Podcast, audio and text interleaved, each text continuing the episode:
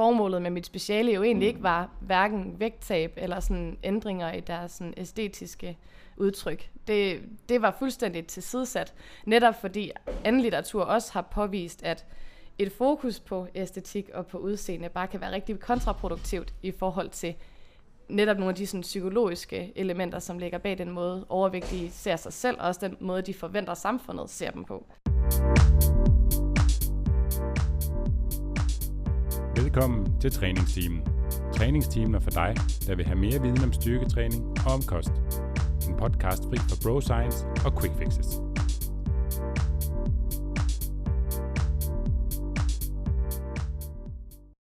Velkommen til episode 126 af træningsteamen. I dag har vi igen Mathilde Østergaard med i studiet. Du husker hende måske fra trænerportræt nummer 15, men denne gang er det Nikolaj og jeg, som tager en snak med hende. For i dag skal vi snakke om det kandidatspeciale, som Mathilde har skrevet på idrætsstudiet. Og overskriften for det speciale kan man vist godt kalde relationsdannelse i træningsmiljøer, hvilket jo er utrolig relevant. Men hvordan det er relevant og hvornår det er relevant, det får Mathilde lov til at uddybe her i episoden. God fornøjelse.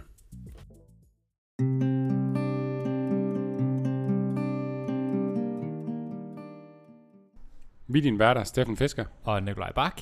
Velkommen til Aarhus igen, Nikolaj. Tak for det, Steffen. Det Jeg er ikke så lang tid siden sidst. En uge siden. Jeg har medbragt det godt vejr.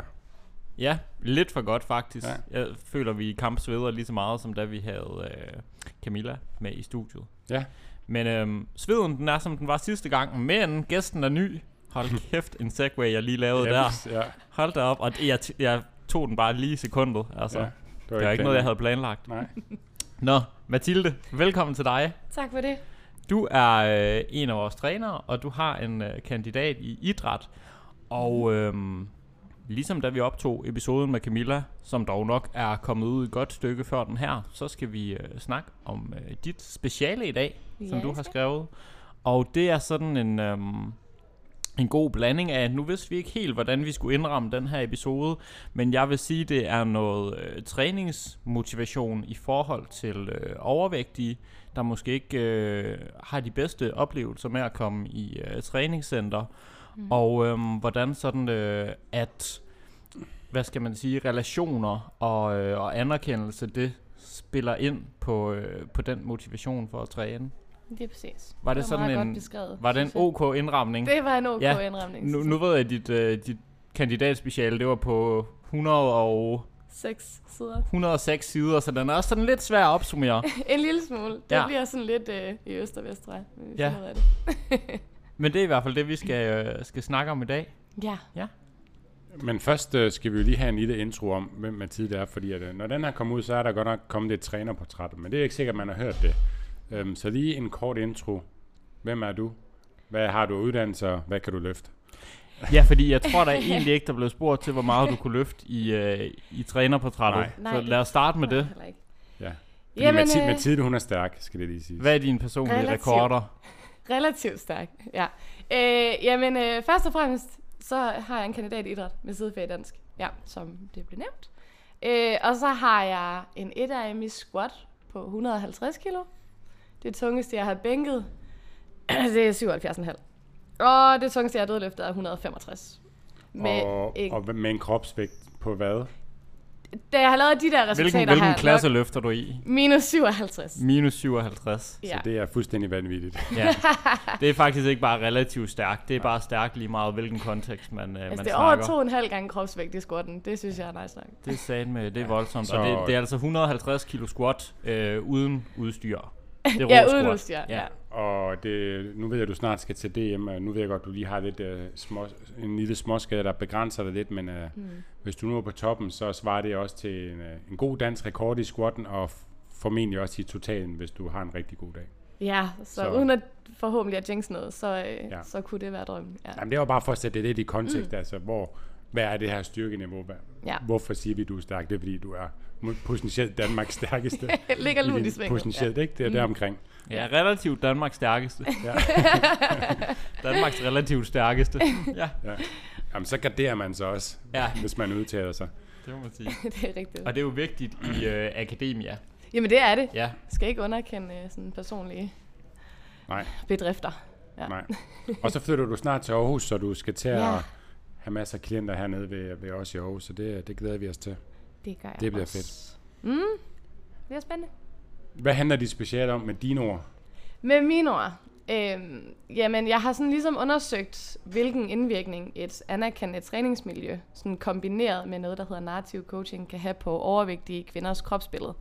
Øh, og i forlængelse heraf også sådan undersøgt, hvordan en eventuel ændring i kvindernes kropsbillede sådan kunne have en positiv effekt på deres motivation for fysisk aktivitet. Ja. Hmm. Så igen sådan lidt bredt. Ja. Hmm? Hvad, hvad gav dig øh, lyst til at, at skrive om det? Jamen, jeg tror måske altid, at jeg sådan lidt har haft en forkærlighed for sundhedsfremme. Øhm, og nu har fedme bare sådan fyldt rigtig meget, øhm, og blev også sådan anerkendt som en verdensomspændende øh, epidemi sådan i, ja, jeg tror det er 1997 eller sådan noget. Så det er bare noget, der er fyldt meget, og der er blevet gjort forskellige tiltag sådan, gennem de seneste år med henblik på at forebygge, og alligevel er der bare ikke rigtig nogen, der sådan har opdaget den hellige gral. Øhm, så jeg var sådan ligesom interesseret i at, at undersøge nogle af de bagvedliggende mekanismer, fordi vi har sådan lidt en tendens til øh, at simplificere tingene, tror jeg. Øhm, og netop når man arbejder med kropsbillede, og når man arbejder med motivation, så er det bare sådan rigtig individuelt og subjektivt. Øhm, så det var sådan lidt en grænskning af, af både sådan psykologiske parametre, men også sociologiske parametre. Mm. Ja. Jeg, jeg synes også, det, det er spændende i forhold til det her, du nævner med sådan et, et, et anerkendende miljø, øhm, hvor man kan sige, at meget af den sådan snak, der, der er omkring overvægt og omkring fedme, mm. at det er en, øh, det er meget, hvad skal man sige, diskriminerende øh, tilgang til det, hvor det er meget sådan, om det handler om at tage sig sammen, og det handler om, at du skal gøre det og det og det her, og mm. egentlig at møde det med anerkendelse, mm. er måske egentlig et ret nyt fænomen, og noget, der, der slet ikke fylder nok i den debat. Lige Altså i nøjagtigt. hvert fald i min optik. Jamen, det er fuldstændig rigtigt, og det er også der, øh, sådan, den narrative coaching ligesom kom, fordi da jeg undersøgt det her med, hvordan man forsøger at motivere overvægtige til at være fysisk aktiv, men det har bare været med forskellige indgangsvinkler, og netop den narrative coaching er ikke sådan set i den sammenhæng før i litteraturen, og det var derfor, jeg sådan implementerede det. Ja. Øh, og netop fordi den narrative coaching bare er rigtig god overensstemmelse med anerkendelsesteori, fordi det handler rigtig meget om at møde vedkommende der, hvor han eller hun er, øhm, og sådan agere øh, sympatisk og sådan forstående rejsepartner i den der sammenhæng, så man ikke bare sådan sætter sig udenfor og observerer, men virkelig forsøger at, at sådan indgå aktivt i, i det, der foregår. Ja. Ja. og det er jo også en helt ny vinkel på det. Altså det her med at coache folk mm. i forhold til deres spisning. Altså mm. nu får øh, mange online coaches en masse fortjente hug for tiden, for at, at bruge, øh, bruge kostplaner som sådan en one size fits all løsning. Men jeg tror også, vi skal, skal huske på, at det er jo ikke særlig lang tid siden, at det var sådan, man, øh, man arbejdede med overvægt øh, Mm. stort set alle steder, indtil for ikke særlig lang tid siden. Altså, eller i hvert fald den her grundlæggende tanke om, at det handlede kun om at arbejde med, hvad folk spiste, Ja. og, så, øh, og så veje dem undervejs. Lige nøjagtigt. Og det var også en af årsagerne til, at, at formålet med mit speciale jo egentlig ikke var hverken vægttab eller sådan ændringer i deres sådan æstetiske udtryk. Det, det var fuldstændig tilsidesat, netop fordi anden litteratur også har påvist, at et fokus på æstetik og på udseende bare kan være rigtig kontraproduktivt i forhold til netop nogle af de sådan, psykologiske elementer, som ligger bag den måde, overvægtige ser sig selv, og også den måde, de forventer samfundet ser dem på. Ja. Ja. Det, det synes jeg, vi skal vende tilbage til det her med sådan, øhm, okay, den, den type fokus, fordi man kan have nogle forskellige sådan, øh, sådan typer fokus i forhold til sit kropsbillede også, og i forhold mm. til sin træning. Meget. Øhm, men hvordan, hvordan har du egentlig sådan undersøgt det her rent konkret? Hvad har du, hvad har du gjort i dit speciale? Jamen, øh, det jeg gjorde sådan indledningsvis, det var, at jeg skulle have rekrutteret nogle, nogle overvægtige kvinder, som gerne ville være, være deltagende i det her projekt. Så jeg sendte et skriv ud med nogle sådan mm, krav, som skulle opfyldes. Blandt andet, at de skulle have et BMI på over 25. De skulle være i alderen 25 til 50, tror jeg. Nu ligger det lidt langt væk, det der. Øh, og så slutligt skulle de også have haft negative øh, oplevelser med fysisk aktivitet tidligere. Mm. Sådan, særligt vedrørende noget stigmatiseringslignende.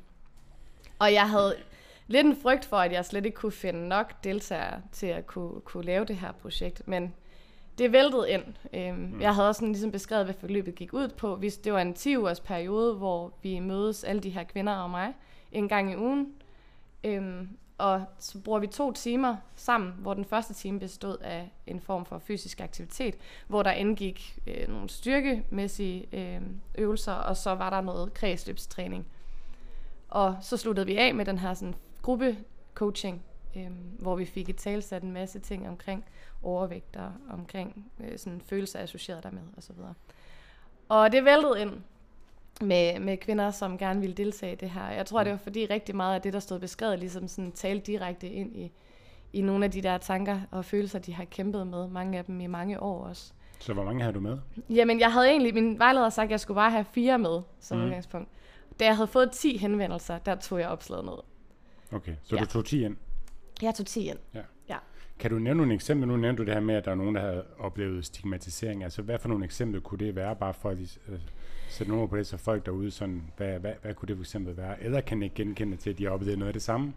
Jamen altså, der er sådan forskellige fortællinger, fordi nogle af dem er også noget, der er konstrueret i deres eget hoved i et eller andet omfang, eller sådan, det er måske også forkert at sige, fordi ja. det, er jo, det har rødder i, i nogle sådan vedtagende ja. øh, konventioner. Men, øh, men nogen oplevede bare det der med, at når de var nede i træningscentret, så kiggede folk rigtig meget på dem, og sådan der følelse af, at tåret strammede, og, og, og sådan, der blev givet elevatorblikke, og der er flere af dem, der sådan nævner. Øhm, og så var en af deltagerne, hun beskrev sådan en konkret situation, hvor hun øh, efter sin graviditet havde taget sådan relativt mange kilo på, øhm, og havde så endelig besluttet sig for, at nu ville hun gøre noget ved det.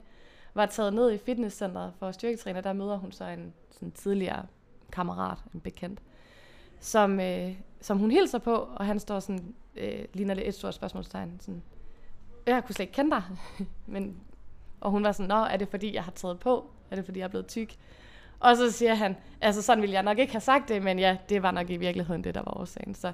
hun fik sådan bekræftet nogle af sine største frygt, eller sådan sin største frygt omkring det at være ja. overvægtig. Ja. Så der er rigtig mange eksempler på det, og, og alle gav udtryk for sådan en eller anden form for utryghed, og sådan det der med, at de følte sig udstillet, mm. når de befandt sig i sådan kommersielle fitnesscentre især. Og igen sådan, fordi de følte sig øh, dømt og, og set ned på. Sådan, mm. Igen, når man befinder sig et sted, hvor der er rigtig mange trænede mennesker. Og det er sådan lidt et mm. paradoks, det der med, at, at det er dem, der er fedte, som er i fitnesscentrene. Ja. De følte ikke, de hørte til. Nej, på ingen måde. Det var netop det, det handlede om. Ja. ja. Og jeg tror, som du siger, selvfølgelig er det en, medmindre man oplever noget, der sådan konkret bliver i talesat, for eksempel som, som hun gjorde, så er det selvfølgelig en indre oplevelse. Mm. Men jeg tror måske også, og det ved du selvfølgelig også bedre end jeg gør, men jeg tror også, øhm, både sådan rent anekdotisk, men også sådan, hvis man læser om stigmatisering, mm. så er der sgu nok også noget om det. Altså, mm. der, der er virkelig nogle grælde historier, men også dokumentation for, at stigmatisering bare finder sted af jo. overvægtige, og det er ikke bare noget, der sker for sådan en en, en lille gruppe. Det, det er helt ud på sådan noget som arbejdsmarkedet og sundhedsvæsenet. Og, altså at, at 100 der er sådan, ja. Jo jo, og det er jo det, alene sådan klassificeringen af, sådan, hvem der er overvægtig, hvem der er normalvægtig, som det jo hedder, er jo sådan for eksempel angivet ved, ved BMI. Mm. Alene der befinder sig en eller anden sådan selektion. Øhm, og, og så bliver man sat i kasser, og, og hvis det er, der er tale om en minoritetsgruppe, jamen så befinder de sig uden for det, som vi betragter som normalen. Så det er helt sikkert, selvom det også kan være en subjektiv oplevelse, så er der sådan nogle strukturer i samfundet og i vores sådan, tankemønstre, jamen som det, er med Det til. kan jeg genkende til, fordi jeg har der, nu har vi jo en inbody måler og kan måle fedtprocent og sådan noget her, ikke op? Og, og næsten alle, når de får lavet en måling, uanset om det er vægt eller fedtprocent eller muskelmasse, bare sådan, er det normalt? Mm, ja. Eller er det sådan, over normalt eller uden for normalt, er det normalt. Det vil folk gerne vide. De vil gerne puttes i en anden kasse også. Ja. Ja, ja lige præcis, fordi så bliver det normale idealet. Ja. Og, og det kan jo sådan være problematisk i forhold mm. til, at man jo så netop føler, at man er mindre værdig, eller ja. man er forkert, og derfor er det her ideal, det er efterstræbelsesværdigt, og det bør mm. være det, du sådan søger i et eller andet omfang. Ja. Så derfor skal du motionere, derfor skal du spise sundt, og Præcis, alle ja. de her ting. Ja. Jeg tror, og det er selvfølgelig ikke en, en, en sort-hvid sådan snak overhovedet, fordi der er masser af gråzoner, men, men jeg tror, det er rigtig vigtigt, at man, når man arbejder med sundhed og vægttab, øh, fordi det er der ikke noget galt i, fordi der er rigtig mange, der får mere livskvalitet ud af at tabe sig øh, mm. af den ene og den anden grund. Mm. Men jeg tror også samtidig, det er rigtig vigtigt, at man er opmærksom på, at man ikke i den proces kommunikerer om, øh, om overvægt som noget af det værste, man kan være i hele verden. Altså, Lige nøjagtigt. Og det, er jo også, det kommer også an på, hvordan man anskuer det, fordi det er ikke nødvendigvis et forsvar af, at, at overvægten skal være okay. Det er et spørgsmål om, at, at stigmatisering altså, i, i nogle tilfælde, eller i hvert fald potentielt, kan fastlåse overvægtige i den situation, de befinder sig i, og derfor ser de ikke andre, andre handlemuligheder i forhold til, at de godt kan opnå den sådan, det ved jeg ikke, sundhed eller den tilværelse, de ønsker. ja. Ja. ja, fordi det er jo klart, der er jo også nogle sundhedsmæssige konsekvenser af specielt svær mm. overvægt. Altså det kan man ikke komme udenom. Nej, lige nøjagtigt. Øhm, fysisk aktivitet betyder rigtig meget i forhold til det. 100%. Men, men som du siger, stigmatisering forværrer bare den udfordring. Altså, Mm. folk taber sig ikke af at få at vide, de er overvægtige og de er dårlige mennesker på grund af det. Præcis. Og man kan sige, det var også indgangsvinklen, fordi det, der gør overvægt særligt problematisk, har man jo i hvert fald fundet af inaktivitet. Netop sådan forårsaget den moderne verden, vi lever i i dag, hvor rigtig mange jobs bare er stillesiddende. Og ved at de så kommer ud og bevæger sig og sådan nogle ting, så kan det have positive effekter. Fordi alene det at bevæge sig, selvom man er overvægtig, har også en sundhedsmæssig effekt i forhold til at forebygge livsstilssygdomme som type 2 diabetes, eller forskellige kræfttyper, eller hjertekarsygdom. Sådan nogle ting. Øhm, og nu fik jeg ved, at jeg skulle bevæge mig. Øhm, alene det, at, at man så bevæger sig, de kan have de her sundhedsmæssige fordele, jamen så er det også bare nødvendigt, at de føler, at det er legitimt, at de får lov til at bevæge sig i samme miljøer og sådan, samme regimer som, som dem, der er normalvægtige Mm. i godsøjen. Ja. Det er, egentlig, det er egentlig sjovt det der med, fordi alle er jo startet som utrænet på et eller andet tidspunkt. Men jeg tror i nogen... Øhm, ja, det er selvfølgelig meget forskelligt fra træningsmiljø til træningsmiljø, men jeg tror i nogle træningscentre kan man i hvert fald godt få den oplevelse, Mm. at man har mindre ret til at være der, fordi man ikke har trænet lige så længe som andre. Det ved jeg ikke, Ja. om, om det var noget, de sådan gav udtryk for. Og det var det jo netop, igen fordi det var præmissen for at melde sig til i første omgang, og det er også der anerkendelsesperspektivet sådan ligesom kommer ind. Fordi de er det, man kalder sådan blevet ringeagtet i, øh, i den solidariske sfære. Så det vil sige, når de sådan har befundet sig i for eksempel kommersielle fitnesscentre, eller lignende situationer blandt andre, som i deres øjne havde sådan en mere atroværdig krop, øh, jamen så er de blevet bevidst om fejlene ved deres egne kroppe, og er sådan blevet nedtrykte, og, og sådan oplevet håbløshed. Og, og også hvis de har fået bekræftet, at de er forkerte og mindre værdige, jamen så kompromitterer det deres selvværd og deres selvtillid. Og det forstærker igen den der følelse af ikke at være tilstrækkelig. Og det afholder dem fra netop at indgå i de her sådan, fysiske aktiviteter. Det er sådan en ond cirkel. Ja, lige nøjagtigt. Og, og, og der er de her sådan, øh, sociale sammenhænge også bare afgørende for, hvor tilbøjelig man er til at indgå øh, heri. Og det er også derfor, når de så ikke har lyst til at komme i de her kommersielle centre, så er det fordi, de i ringen grad kan identificere sig med det kropsbillede, de møder i et fitnesscenter. Mm. Hvorimod i den her sådan, træningssammenhæng, hvor de er 10 kvinder på samme vilkår og med samme udgangspunkt, og sådan kan relatere til hinandens følelser og tanker omkring det at være overvægtige, jamen så bliver det mere legitimt, og så oplever de pludselig, at de hører til, og der er nogen, der er som dem selv. Ja, så kan du sætte nogle flere ord på, hvad, hvad dine deltagere de oplever i den forbindelse. Nu bliver du sat i en gruppe af 10 ens Ja, når jeg nåede aldrig at blive færdig med at forklare, hvad det så egentlig gik ud på. det var Vi- fordi, vi afbrød. ja, det er Det er okay. fint, men vi, Ja. vi, vi fader ind i det nu. Jamen, vi mødtes jo som sagt de her, øh, den her en gang i ugen i 10 uger. Øh, en time, hvor vi trænede, en time, hvor, hvor vi havde narrativ coaching. Øh, gruppecoaching, vel at mærke. Men de trænede så sammen, og jeg havde gjort mig nogle overvejelser omkring, hvordan jeg forsøgte at gøre det her miljø sådan, øh, mest anerkendende og inkluderende. Netop i forhold til, at de skulle opleve, at de var kompetente. Så der var ikke sådan et udvalg af øvelser, som var sådan alt for komplekse at udføre, og alt kunne tilpasses deres sådan individuelle niveau. Så var der samtidig taget højde for, at de gerne sådan skulle øh, indgå og sådan interagere med hinanden socialt.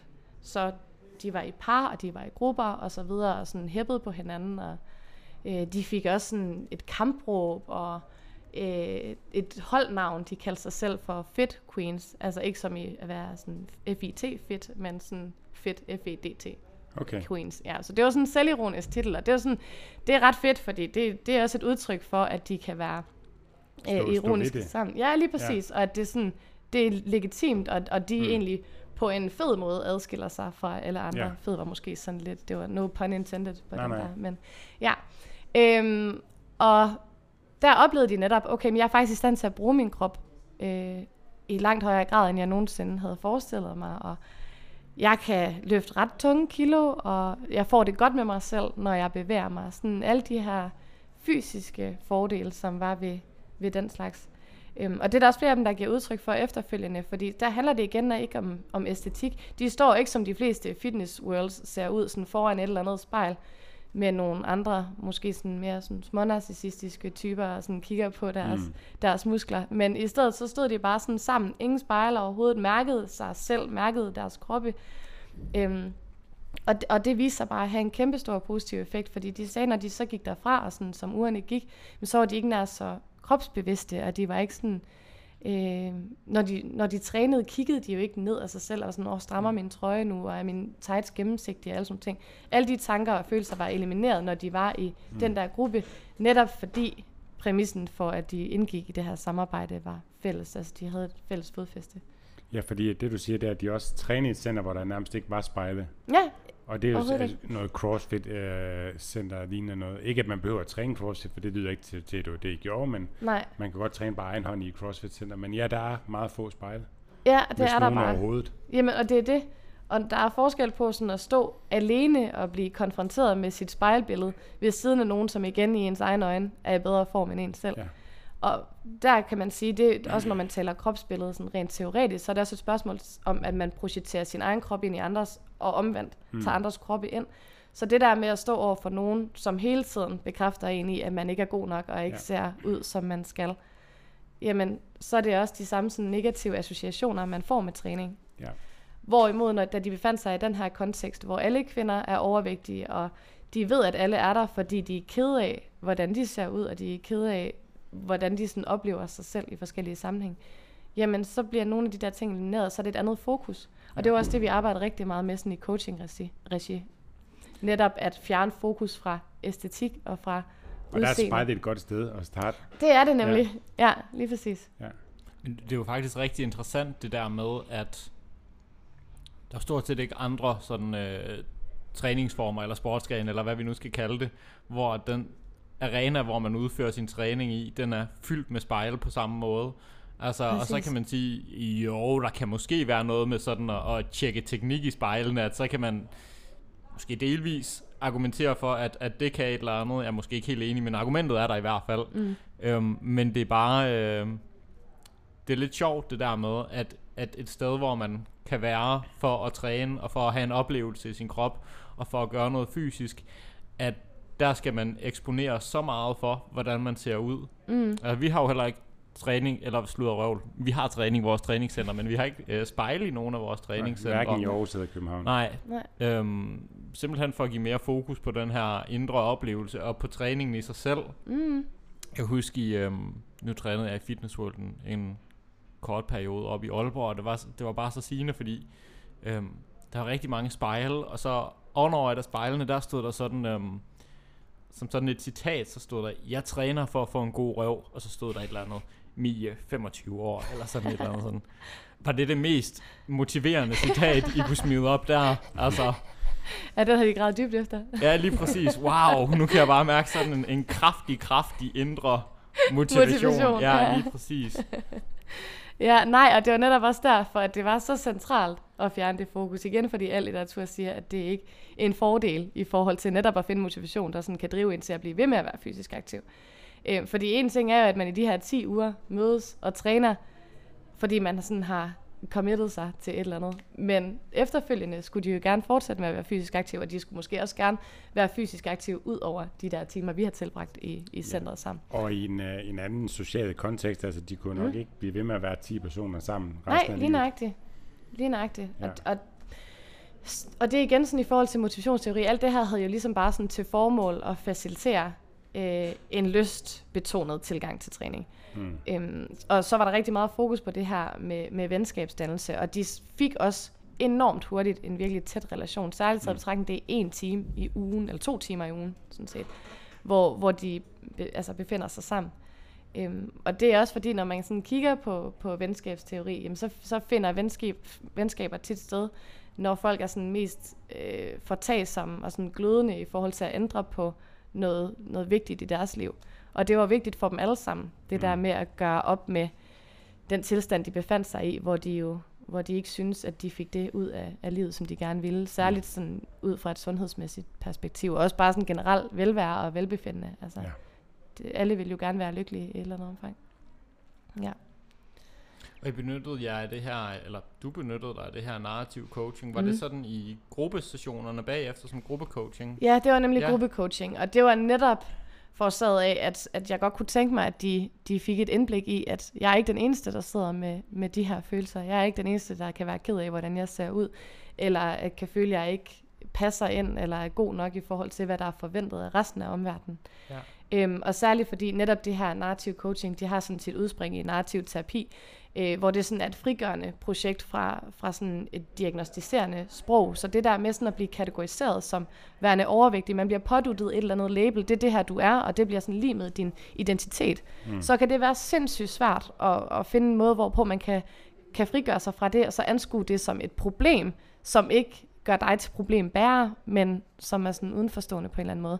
For det er ikke meningen, at overvægten skal være iboende eller deres identitet, fordi rigtig mange er rigtig meget andet end, mm. end bare, hvordan de ser ud. Øhm, så, så det var også et kæmpestort fokus, at okay, så, så fokuserer vi på nogle af de andre kvaliteter, I har. Og netop det, at I er i stand til at bruge jeres kroppe, og I, I kan bevæge jer, og de får lov til at føle sig kompetente. De får lov til at føle, at de hører til det sted, hvor de nu engang begår sig. Der er nogle mennesker, som er glade for at se dem, og som er glade for, at de kommer, og de føler sig værdsat og anerkendt. Og så samtidig den her følelse af autonomi, at nu, nu indgår jeg i den her sociale relation, nu indgår jeg i den her fysiske aktivitet, fordi jeg synes, det er mega fedt, fordi det gør mig glad, og fordi det får mig til at have det godt med mig selv. Mm. Sådan søge, søge de veje, og sådan, fordi det er jo ikke min opgave som, som coach, sådan ligesom at, at fortælle dem, hvordan de skal agere, eller hvordan de skal tænke. Det, det er min opgave at, at få i talesat de her tankemønstre, få dem synliggjort for dem, og så åbne op for et refleksionsrum, hvor de, hvor de ser nye handlemuligheder, og nye måder sådan at anskue tilværelsen på, og en måde sådan at imødekomme det, de anser for at være et godt liv, så de ved, hvilken vej de skal gå. Ja. Mm. ja. Er det sådan, kan man sige, er det sådan grundsten i, i narrativ coaching? Kan du sige, nu, nu brugte jeg det bare som sådan et ord, som om alle lytterne skulle vide, hvad det var i forvejen. Kan du sige lidt mere om, hvad det egentlig er? Ja, altså igen sådan et frigørende projekt for sådan de magtstrukturer, der er i det diagnostiserende sprog. Det er sådan den ene ting. Øhm, og så er det også et spørgsmål om, at man som, når man anvender narrativ coaching, så øh, fordi det er sådan en tredje generations coaching, så inkluderer øh, coachen sig selv. Så altså, det vil sige, at jeg indgår ligesom i sådan en hjælperelation med de her kvinder. Jeg er ikke en eller anden sådan udenforstående. Jeg, jeg deler af mig selv, åbner op selv, også for at de sådan finder tryghed. Øhm, og samtidig får skabt den her mulighed for, at de føler sig trygge og har lyst til at dele. Også fordi, igen, det er nogle vildt intime øh, emner, følelser og tanker, og det der med at sådan betro sig til nogen, man kun har kendt to timer i ugen i 10 uger, at, og er jo faktisk også tidligere, fordi de begyndte allerede fra første dag, det kan være enormt grænseoverskridende.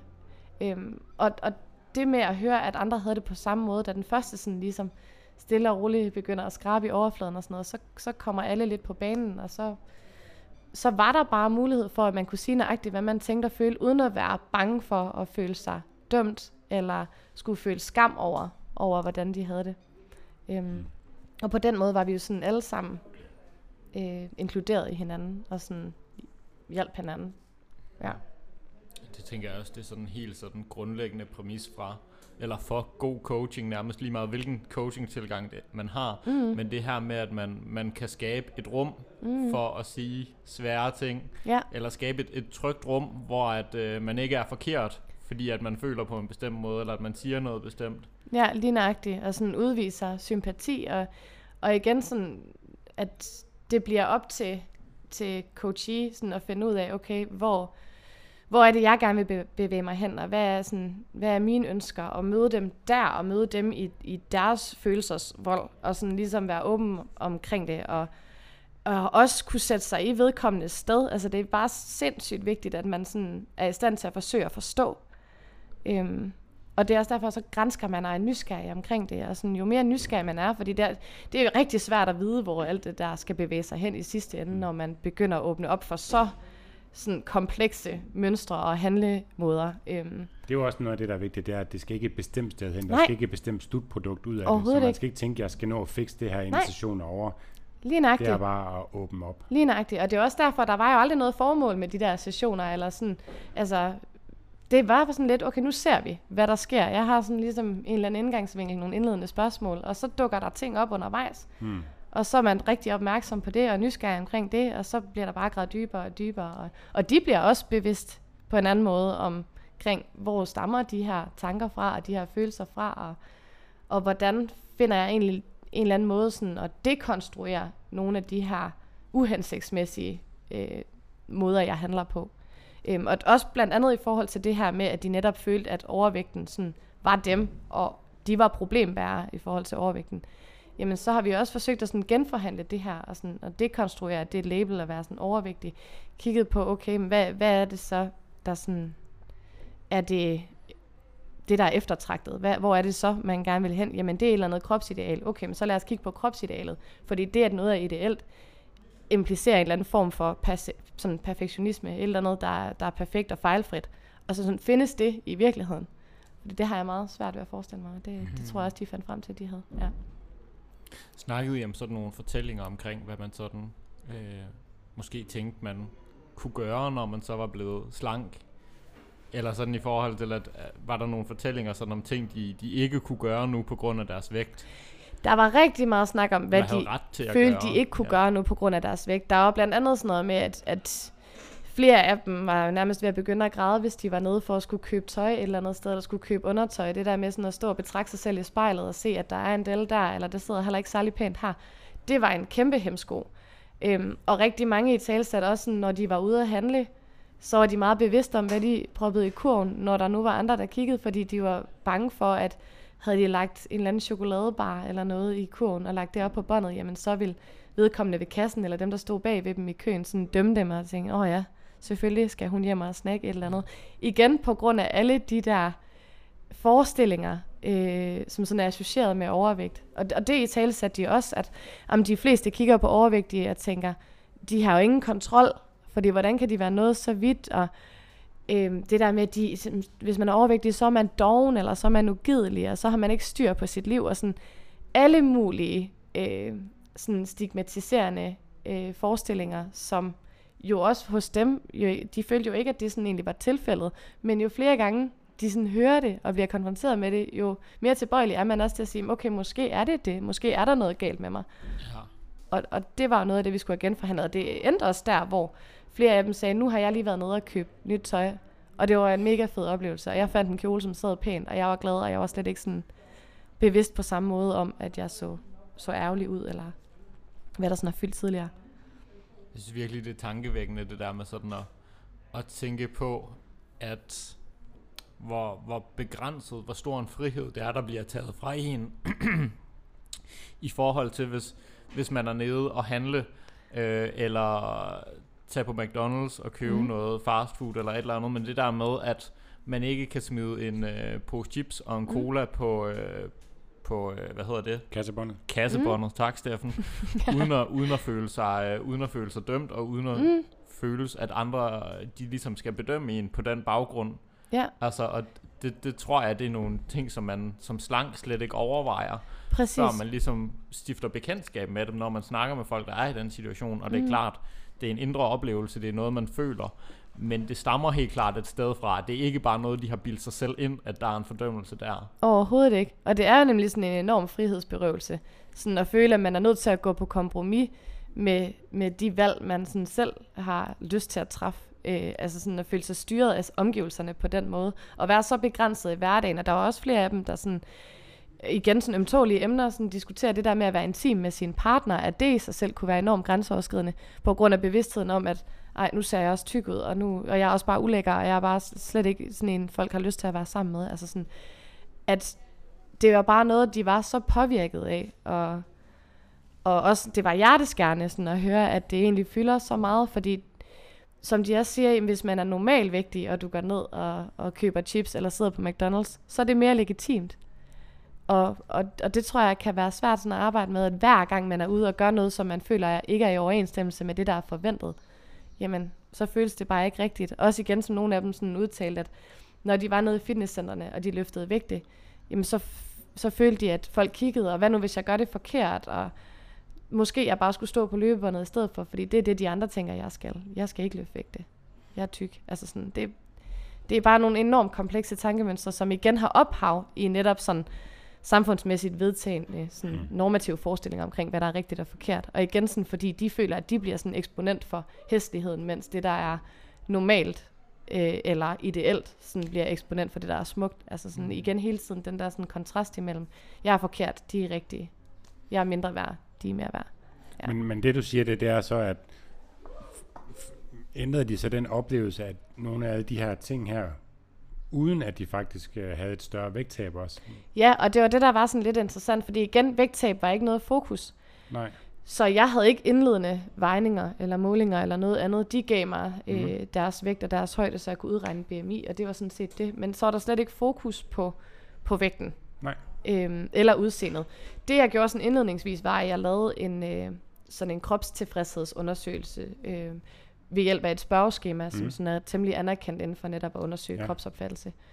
Øh, og der scorede de rigtig dårligt indledningsvis. De skulle sådan tage udgangspunkt i de sidste fire uger fra de besvarede spørgeskemaer, så det var altså før vi gik i gang med Okay, og med hvad er rigtig dårligt? Er det sådan fra 1 til 10, eller hvad? hvad Jamen er det er så det, fordi jo højere øh, score man havde, jo sådan større kropsutilfredshed var det ja. associeret med, og jo større okay. sådan skam følte man også i sin krop. Så det var blandt andet sådan nogle spørgsmål til, øh, om de nogensinde gemte sig væk i sociale sammenhæng, sådan rettet på deres tøj, fordi de følte, at, mm. at de så tykke ud. Øh, om de nogensinde sagde nej til sådan sociale sammenkomster, fordi de var ked af, hvordan de så ud, og ja. om de på en løbetur sådan blev bevidst om, at ting hoppede og sådan nogle ting. Så det var sådan ja. meget, øh, meget kropsrelateret. Og der, inden undersøgelsen, øh, eller inden træningsinterventionen, der, øh, der blev ubehaget sådan associeret med, øh, den lå på sådan 63,48 procent. Så de, de synes, det var temmelig ubehageligt sådan, at være i deres egen krop. De havde et rigtig negativt billede på deres krop. Og den går op til 100, eller hvad? Øh, ja, det gør den. Ja, yes. men så, så står det også. Nå, ja, ja det er bare lige for at kende spektrum. Ja, ja det gør den. Ja. ja, for jeg det ud i procent. Jeg tror, scoren var op til 270 point. Ja. Øhm, og efter interventionen, hvor de tog udgangspunkt i de seneste fire uger, der var deres kropsutilfredshed på 41,24 procent. Så det var altså en forbedring på sådan 22,24 procent. Og hvor lang tid er det her over interventionen? Øhm, den tog 10 uger, så det var egentlig mm. efter 6 uger. Okay, øh, så, så det er jo også begrænset. Altså lad os ja, at de har tabt ikke? noget vægt. Mm. Øh, så det er begrænset, altså man har jo ikke tabt 20 kilo. Det har man nemlig ikke. Det var nemlig en meget beskeden periode, og det var også det, de sådan sagde, da vi, da vi talte om det i forbindelse med sådan coaching-sessioner, at at flere af dem påtaler, at de følte sig mere komfortable i deres krop, og de følte egentlig, at de var mm. mere attraktive, og, og det fyldte langt mere med de her negative tanker. Og det sagde de på trods af deres bevidsthed om, at, mm. at der nok ikke var sket så meget sådan objektivt set. Så, de ja. sagde, så det bliver et spørgsmål om perception, og det er også en del af, når man sådan taler kropsbillede, det der måde, man sådan anskuer sin egen krop på. Ja at, at den har sådan ændret sig igen på grund af tankemønstre, og ikke på grund af en eller anden sådan objektiv erkendelse. Og det tror jeg nemlig bare er virkelig vigtigt at pointere, at, øh, at det, det der man også skal have fokus. Altså mm. vægttab kan også have en ændring på ens opfattelse, men, mm. men det andet skal i hvert fald som minimum også have noget fokus, hvis ikke mere fokus.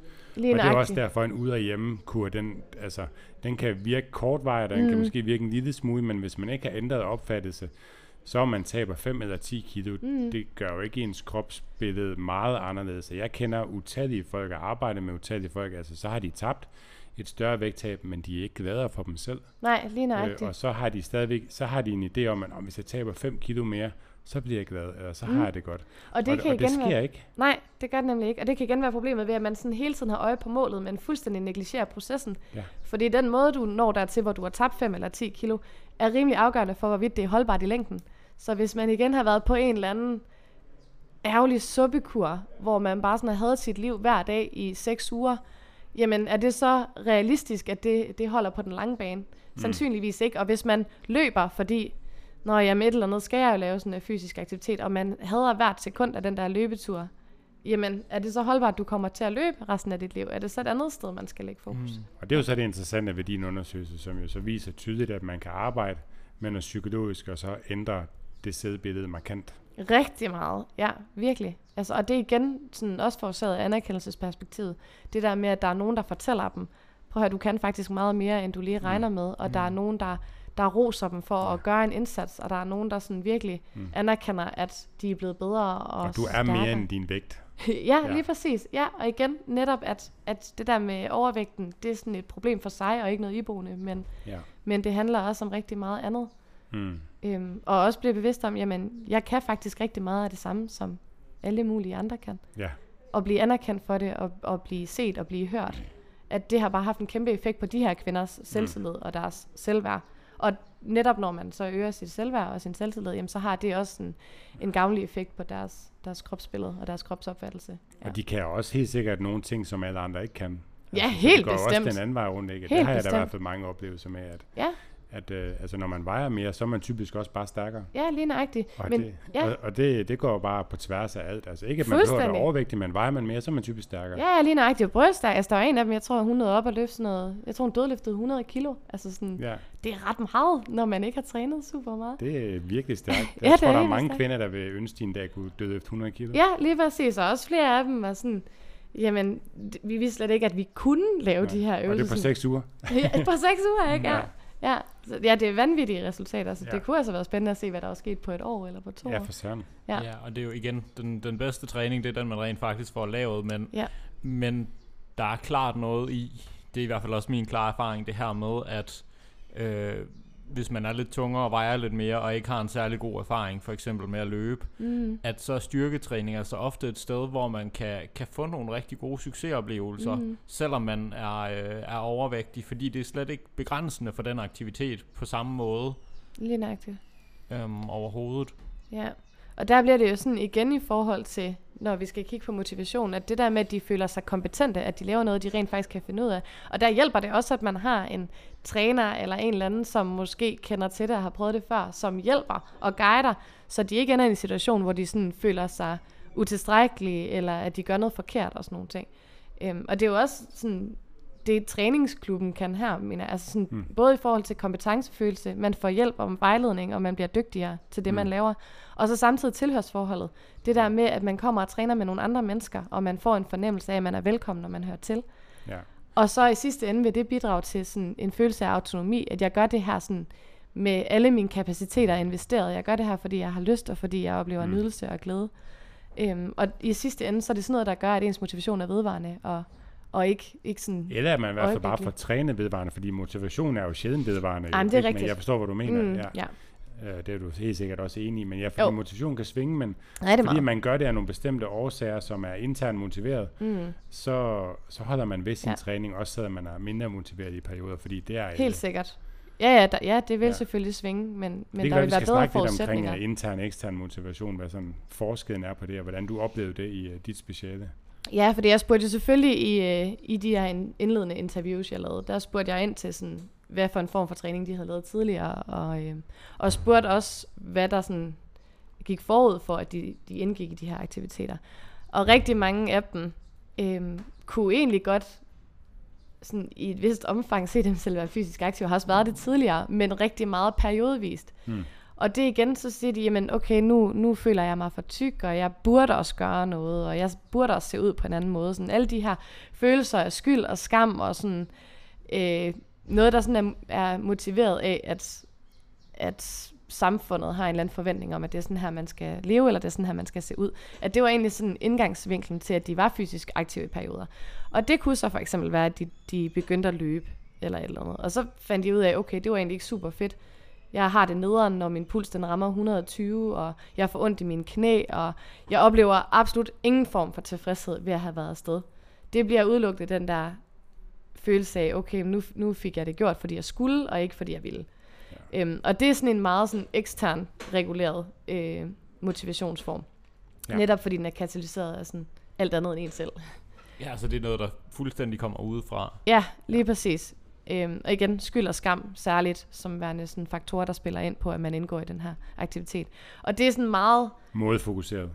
ja, Ja. ja og meget sådan kortvarig form for motivation. Ja. Fordi det kan godt være, at det sådan lige fungerer akut, men, men alle de her sådan negative følelser og associationer, som tilhører den aktivitet, Hmm. forstærker ligesom bare følelsen af, at okay, men så kan, jeg er ikke god nok, og så kan det også være lige meget. Ligesom suppekuren, du nævnte før, Ja. det kunne være et eksempel. Lige nøjagtigt, ja. at det bliver bare sådan lidt flygtigt på en eller anden måde.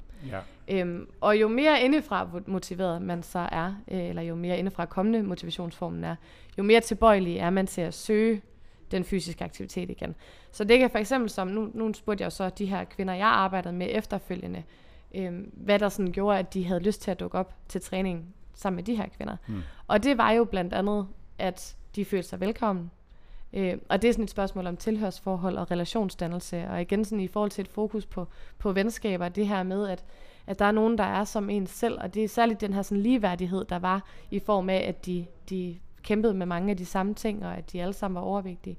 Jamen, det var en kæmpe faktor i forhold til deres motivation for at være fysisk aktiv.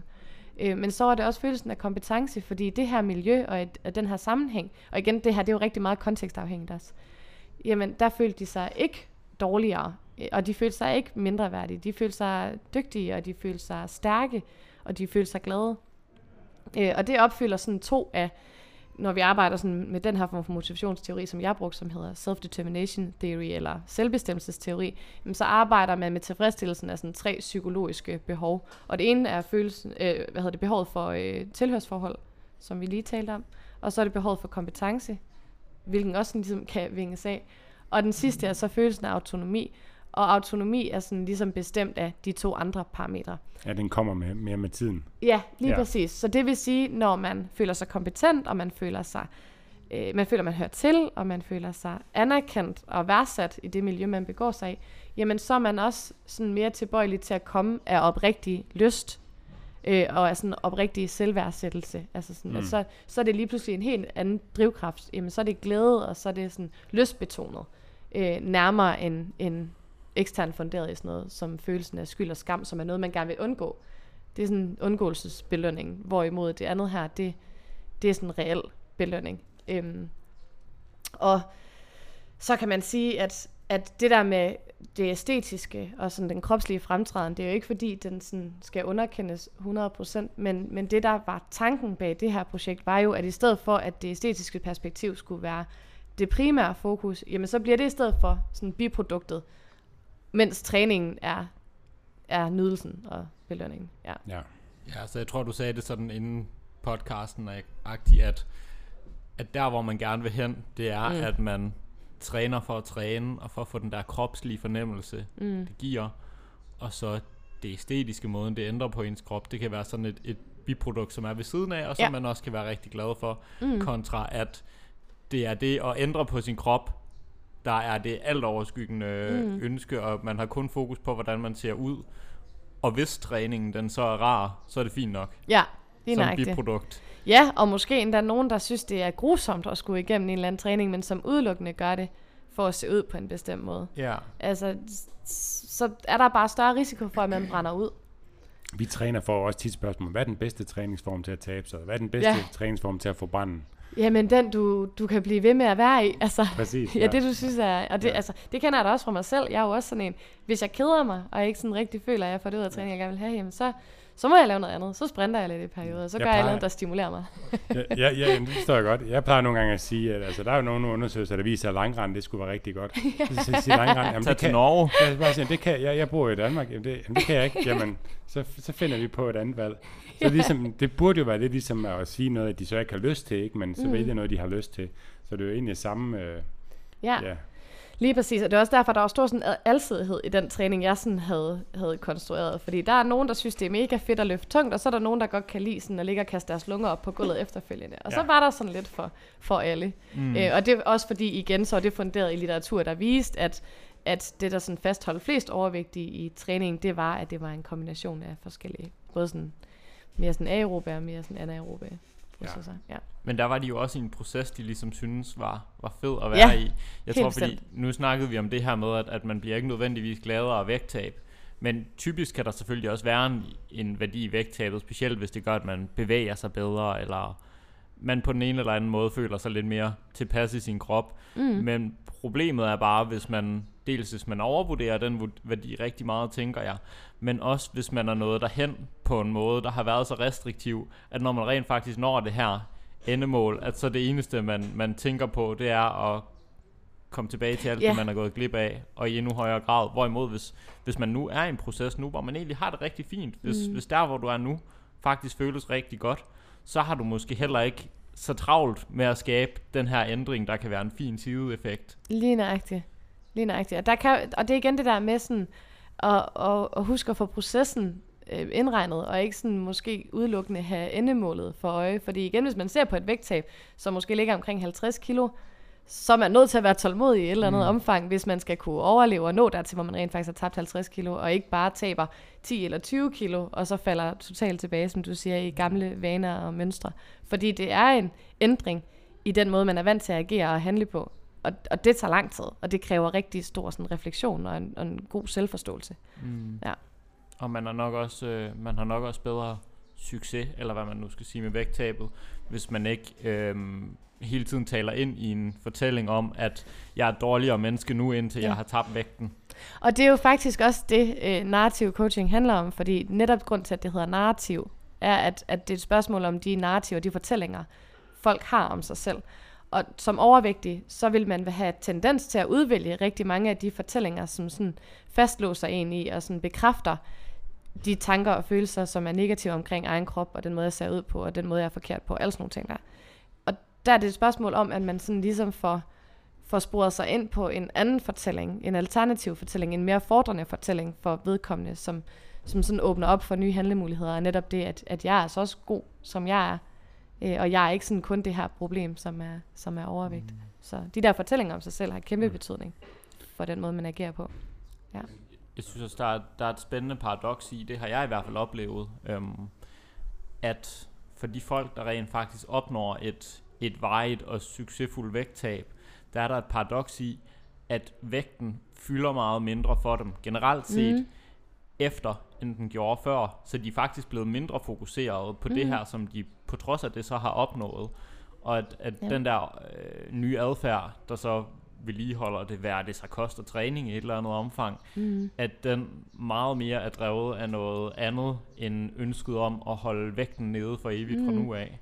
Ja, lige præcis. Så det handler også bare rigtig meget om fokus. Og der var også, der var også flere af de her kvinder, som sådan, altså holdt fast på, at, at på trods af, at de stadig ønskede at være sundere, og i et vist omfang også ønskede vægttab, øhm, så var deres forestilling, at det sådan ligesom var øh, nærmere deres eget ønske end forårsaget af sådan ydre pres for omgivelserne, hvilket er rigtig fint, hvis det er tilfældet. Men det er formentlig sådan utopi at antage, at sådan samfundsmæssige idealforestillinger ikke har noget, og sådan kropslig forventning ikke har noget at gøre med, med den måde, man ønsker at se ud på. Fordi det er sindssygt svært at bryde med de der magtstrukturer. Fordi igen, så er det sådan et spørgsmål om, at vi mange gange har hørt det samme og blevet sådan fået indoktrineret, at det er sådan det her, der er den ideelle krop, det er sådan her, man skal se ud, det er det her, der er sundhed. Og bliver også, igen hele tiden, det var også, der var flere kvinder, der sådan nævnte det her med, at det er umuligt at leve op til øh, samfundets forventninger.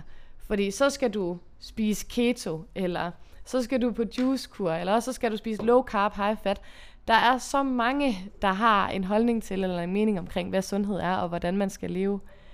Og så kan jeg godt forstå, at det må være sindssygt svært at navigere rundt i, når man i forvejen føler, at alle de valg, man træffer, er forkerte. Mm. Ja, for lige meget hvad man gør, så vil det altid være forkert i mm. nogens øjne. Ja. Øhm, og jeg tror også bare, at, at som du siger, at, at der er nok ikke nogen, der er 100% øh, internt motiveret. Det er ja. i hvert fald nok meget få, fordi mm. altså... Og i hvert fald ikke hele tiden. Nej, ja. og, og vi mennesker er jo flokdyr, og mm. vi trives øh, rigtig godt, når vi får anerkendelse, og vi trives i relation med andre. Mm. Men der skal også bare være noget indre, og det er jo at finde den der nu balance, sådan en rigtig buzzword, men finde den der ja. gode mellemvej for sig selv, hvor man ikke kun er drevet udefra, tænker jeg. Mm. Og Lige præcis. Det er nok der, hvor den der sådan relationsdannelse, du snakkede om, og det med at den venskaber, at mm. det er rigtig vigtigt for måske at nå derhen for sig selv. Enormt vigtigt. Altså særligt fordi, jeg tror, det er de færreste overvægtige, som føler sig anerkendt for den måde, de ser ud på i hvert fald. Øhm, og netop det ikke at føle sig anerkendt har bare fatale konsekvenser for, for ens selvtillid og ens selvværd, den måde, man, man opfatter sig selv.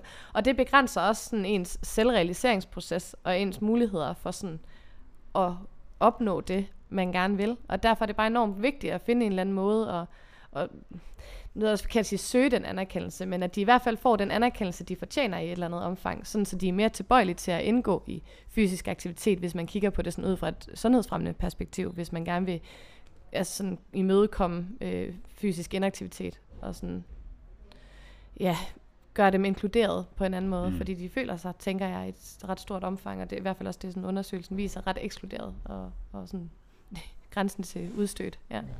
Men jeg ved, du har taget nogle øh, citater med, Ja. som beskriver lidt omkring, hvor, hvor, hvordan nogle af dem har flyttet sig. Det Ja. tænker jeg kunne være fedt at lige få med her til, øh, inden vi øh, afrunder. Mm, nu skal jeg lige se, om jeg kan finde det.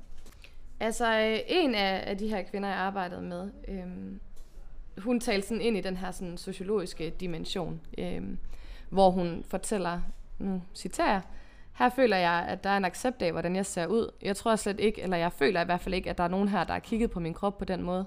Vi har ikke målt hinanden indbyrdes. Hvem er stor, hvem er lille, hvem er lav, hvem er høj. Det har ikke været sådan, vi ved, hvorfor vi har været her, fordi vi hver især har nogle issues, men vi har ikke stået og taget stilling til hinanden. Så det her er et helle, hvor jeg i højere grad føler mig målt, når jeg kommer udefra. Så det viser også igen, hvordan det her sådan er temmelig kontekstafhængigt, og net- netop et spørgsmål om, at man indgår øh, i et felt eller i en sammenhæng, hvor man er ligeværdig og, og jævnbyrdig. Mm. Og der føler de sig ikke dumt, men tværtimod anerkendt.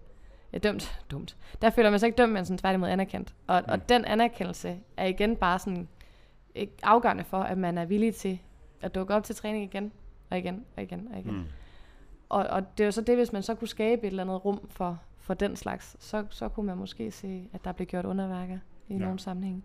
Øh, men sådan i hvert fald sådan billigelse og påskyndelse for den indsats, man gør. Der er en tendens til, at den indsats bliver negligeret, fordi overvægten i sig selv er et symbol på, at man ikke gør nok. Altså sådan, Ja.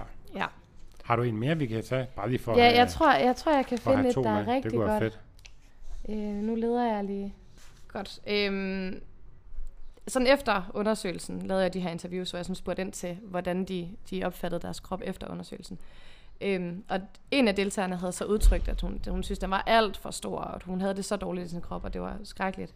Hvor da hun bliver spurgt efterfølgende, der fortæller hun, at jamen, jeg har ikke noget, jeg skjuler længere, eller er bange for at gøre. Og det er sjovt, fordi det er jo ikke, fordi man som sådan er blevet mindre i omfang, helt vildt drastisk, men man er bare blevet sådan, at jeg er, som jeg er, og det er okay. Altså, tag mig, som jeg er, og jeg er ikke bange for at være her, fordi jeg netop er tryg her. Det er bare fedt at komme herud, og det kan godt virke underligt at sige, at man er ligeglad med, om folk kigger på en, men det er jeg faktisk. Jeg har fået en helt anden opfattelse af mig selv. Det har virkelig hjulpet. Det er helt anderledes her. Øh, jeg kom ikke afsted før, fordi folk kiggede hele tiden. Og nu er jeg for at sige det lige ud, pisse ligeglad. Jeg sidder på et spinninghold ved siden af en størrelse 34 og tænker, so what, jeg er her også. Jeg klapper mig selv på skulderen over, at jeg er her og deltager. Jeg er egentlig ligeglad med, hvad de synes om mig. Den opfattelse har jeg virkelig også fået ændret med det her. For det er da ærgerligt, at de tanker skulle afholde mig fra at komme afsted. Shit, det er fedt. Ja, det er sådan en ret god indikator for, Ja. hvor, hvor stor øh, indflydelse forløbet faktisk Ja. har haft på hende. Øhm, altså det der med alene at sidde på et spinninghold, det, det tror jeg faktisk ikke, hun havde gjort på noget andet tidspunkt. Nej. Så det viser også bare, at, at en ting er, at hun, hun er villig til sådan at deltage i fysisk aktivitet på kvindernes hold, men det har også påvirket hende sådan uden for vores Mm. lille øh, træningssammenhæng. Ja. Ja, hun har fået Hun mod lyder på- som et helt andet menneske. Fuldstændig, og ja. det, det udtaler hun faktisk også flere gange, at, at selv hendes børn og hendes mand har sådan påtalt, hvor meget gladere hun er blevet, Mm. og hun er blevet sprudlende, og de har kommenteret på det på arbejdspladsen, og Shit, hvor fedt. er sådan virkelig, og hun sagde, at nu tog hun kjoler på, og hun, hun gjorde sig til, og hun var sådan, det var bare, hun var en helt anden, Mm. end inden vi startede. Der er også flere på holdet, der sådan sagde, synes, du har bare fået sådan en glød og sådan Mm. gnist i øjnene, som, som du ikke havde tidligere.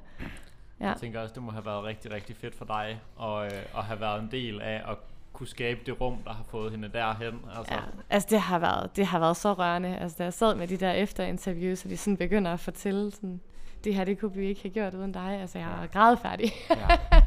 Og det er jo der, ja. Det bare handler om at, at, at skabe en rigtig god relation og skabe det der rum. Meget. Jeg kan huske nu, øh, sad jeg for, det ved jeg ikke, 3-4 år siden eller sådan noget, og, øh, og lyttede til et, øh, det var en podcast med, øh, med en af mine venner, der hed øh, Steffen Fisker på det tidspunkt. Det tid, på det tidspunkt, der var jeg øh, sådan helt øh, på egen hånd med personlig træning og var sådan ved at starte op i branchen og sådan noget.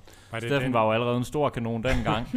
var det en podcast? Var det ikke den der video, jeg fik optaget sammen? Jo, det var, det, var nok en, det var nok en video, og jeg lagde mærke til, at, øh, at du havde en rigtig god podcast stemme der i, så jeg tænkte, hvis man på et tidspunkt skulle, uh, skulle lave en podcast med nogen, så skulle det være, uh, så skulle det være med ham. men, uh, men du, du sagde i, uh, i den video noget med, at uh, klienten kommer for resultaterne, men de bliver for relationen. Ja. Mm. Og det, det synes jeg bare, det er sådan ekstremt sigende for, hvor vigtigt det er at kunne skabe det der rum, og kunne skabe Ja. den der Mm. relation, når man, når man arbejder med mm. mennesker. Mm. Øhm, men hvis vi nu skal se bort fra den der sådan øh, personlige trænervinkel, altså som, som når man arbejder med mennesker på gulvet, Mm. øhm, er der noget, man som lytter, der måske ikke lige øh, er i et træningsforløb, eller sådan hos, hos en, en sundhedsfaglig eller en træner, er der noget, som man kan tage med fra, fra sådan dit, øh, dit speciale i forhold til, hvordan kan man, kan man selv gøre, hvis man nu for eksempel er overvægtig, eller bare har det svært med at komme i et træningscenter, for, for at få en bedre proces? Åh oh, ja, det er sådan et rigtig spændende spørgsmål. Øhm, Det er også et stort spørgsmål lige at slå op. jo, men det er det, og- men, men igen et godt spørgsmål. Jeg tror, øh, det, der sådan selvfølgelig gør det lidt komplekst, det er jo, at jeg har haft rigtig mange elementer indenover. Det er svært sådan at øh, modtage anerkendelse, og det er svært at arbejde med sin egne sådan, kognitive strukturer, som vi har gjort igennem narrativ coaching. Og, og, og, og det er jo rigtig mange af de her strukturer, som sådan har været øh, begrænsende i forhold til, hvorvidt de her kvinder har turde træde ind. Fordi mange af de øh, sådan, barrikader, der findes for overvægtige, er deres bevidsthed omkring deres egen krop, og frygten for ikke at kunne finde ud af at lave øvelsen, og ikke at være god nok og sådan nogle ting. Så jeg, jeg ved ikke, det, det bliver jo sådan mit eget øh, meget sådan usaglige bud, tror jeg. Øhm, Det er også fint. at man er i, på en eller anden måde, og jeg ved ikke, hvordan det skal være nødvendigvis, men sådan forsøger at overkomme nogle af de der øh, begrænsninger, sådan få prikket hul på bylden, og så bare træde ind i et træningscenter. Øh, stole på, at, at rigtig ma- mange vil anerkende, at de er der, fordi det, det bør jo sådan set også være den måde, det, det skulle fungere på, at, at nu gør de en indsats, og, og de har Mm. lige så meget ret til at træne som, som alle andre. Prøve sig lidt frem. Altså sådan, det kan jeg da huske, da jeg selv startede med at træne. Kiggede lidt på folk, hvad laver de? Og så forsøgte jeg at kopiere noget, noget af det. Altså sådan, fordi jeg vidste heller ikke super meget om træning. Og hvis den er helt gal, så kommer der nok en over, sådan, som vil hjælpe af sit gode hjerte, og ikke fordi Ja. de dømmer dig og sådan nogle ting. Så sådan, arbejde lidt med den der sådan negative tankegang, og så stole på, at, at der ikke er nogen, der dømmer, og der ikke er nogen, der ser skævt. Og så, Øhm. så er der jo også muligheden for, og hvis man ikke kan overkomme det, og, og så søge hjælp. Ja, helt bestemt. Få en træner, altså gå til en psykolog Ja, eller noget, og arbejde med de her barrierebegrænsninger. 100 procent. Også Ja. fordi det er bare super godt givet ud på Ja. den lange bane. Men, men, men det skal så altså, understrege, at det skal være med en træner, som man har samtaler med. Ja, Fordi det er der nøjagtigt. arbejdet primært skal lægges for at bryde de her barrierer. Det er ikke bare en online coach, der jeg siger, skulle til at at sige, skal tage, apropos online der coaching siger, at du skal tage ned og træne. Lige præcis. Fordi det er jo der, Der skal være en dialog omkring det. Ja. 100 procent. Også fordi man, det kan nogle gange være rart at få en andens perspektiv på det, og sådan, Ja, ja, få hjælp til at få sat Ja. ord på, hvad det er, man tænker og føler. Ja. ja, Og hvad man har brug for. Ja, og i den sammenhæng, så er du jo et muligt bud, og så hvis man uh, bor i Aarhus eller omegn, så kan man jo få en, uh, en, uh, en gratis samtale med dig om, om, om du kan hjælpe dem. Det kan man. Fordi uh, vi tager jo ikke nogen folk ind, som vi ikke mener, vi også kan hjælpe. Så derfor har vi altid en, en indledende samtale. Lige nøjagtigt. Ja. Ja. Jeg kom til at tænke på, når man sådan er øh, personlig træner med klienter på gulvet, er man så en offline coach? Er Det tror jeg godt, man kunne er kalde det, det. ikke, er det ikke offline coaching, vi laver egentlig? Jo, det kan man godt kalde Jo. det. Ja. Mm. Ja, hvor man er bare ikke slukket, tænker jeg, i hovedet, når man er på gulvet forhåbentlig. Wi-Fi er slået Så fra. man er, man er stadig på, tænker jeg, på en eller anden Mm. måde. Ja. Det, det, det begreb må vi arbejde videre med. Ja, der var lidt uh, food for thought. Du er helt fyldt med gode idéer til sådan, uh, se- uh, sådan kontraster til ting, vi kender i forvejen, og deraf kommer der også snart et ny, uh, et ny Bro Science afsnit, som vi ikke vil afsløre navn på endnu. Nej, det, men det var faktisk ikke, øh, det var Ja. ikke mig, der fandt øh, på det navn. Eller var det? Jeg, jeg, jeg mindes bare, det var dig, men det kan godt være, at det ikke var dig.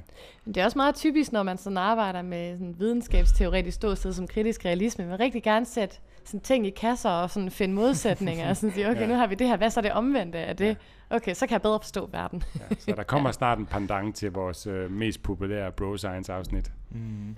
Det bliver lækkert. Bro science er nice. Ja. Mm. Jamen, hvis man nu vil følge dig, Mathilde, eller læse mere om dig, hvor kan man uh, så gøre det? Og se nogle fucking tunge løft. For eksempel, ja. Jamen, så tror jeg, det mest oplagte sted, det må være Instagram. Ja, Ja, der hedder jeg Mathilde Øster, eller Mathilde O. Øster med OE. Ja. Fedt. Lige nu er der ikke sådan, jeg tror de sidste otte billeder, eller videoer, der er ingen squats. Så man skal sådan lige lidt ned, hvis Scroll man skal finde ned, noget ja. af det seje. Ja. ja. Det vidner om, hvor jeg er hen lige nu, sådan skadeswise. Du vender, du vender snart tilbage. Det håber jeg. Det plejer at være squat-videoer over det hele. Tusind tak, ja. Det var, du vil være med. det var lige Det er samtidig. helt synkront. Jeg kan i hvert fald øh, mærke, at jeg skal have læst dit øh, speciale. Måske ikke alle 106 sider, men øh, en god del af dem i hvert fald. Jeg kan highlight de væsentlige. øh, Ja. Det bliver det hele. Jeg synes alt er væsentligt. Tusind tak, fordi du vil være med. Og øh, tak fordi jeg måtte. tak, fordi I lyttede med. Og det var så afslutningen på denne episode.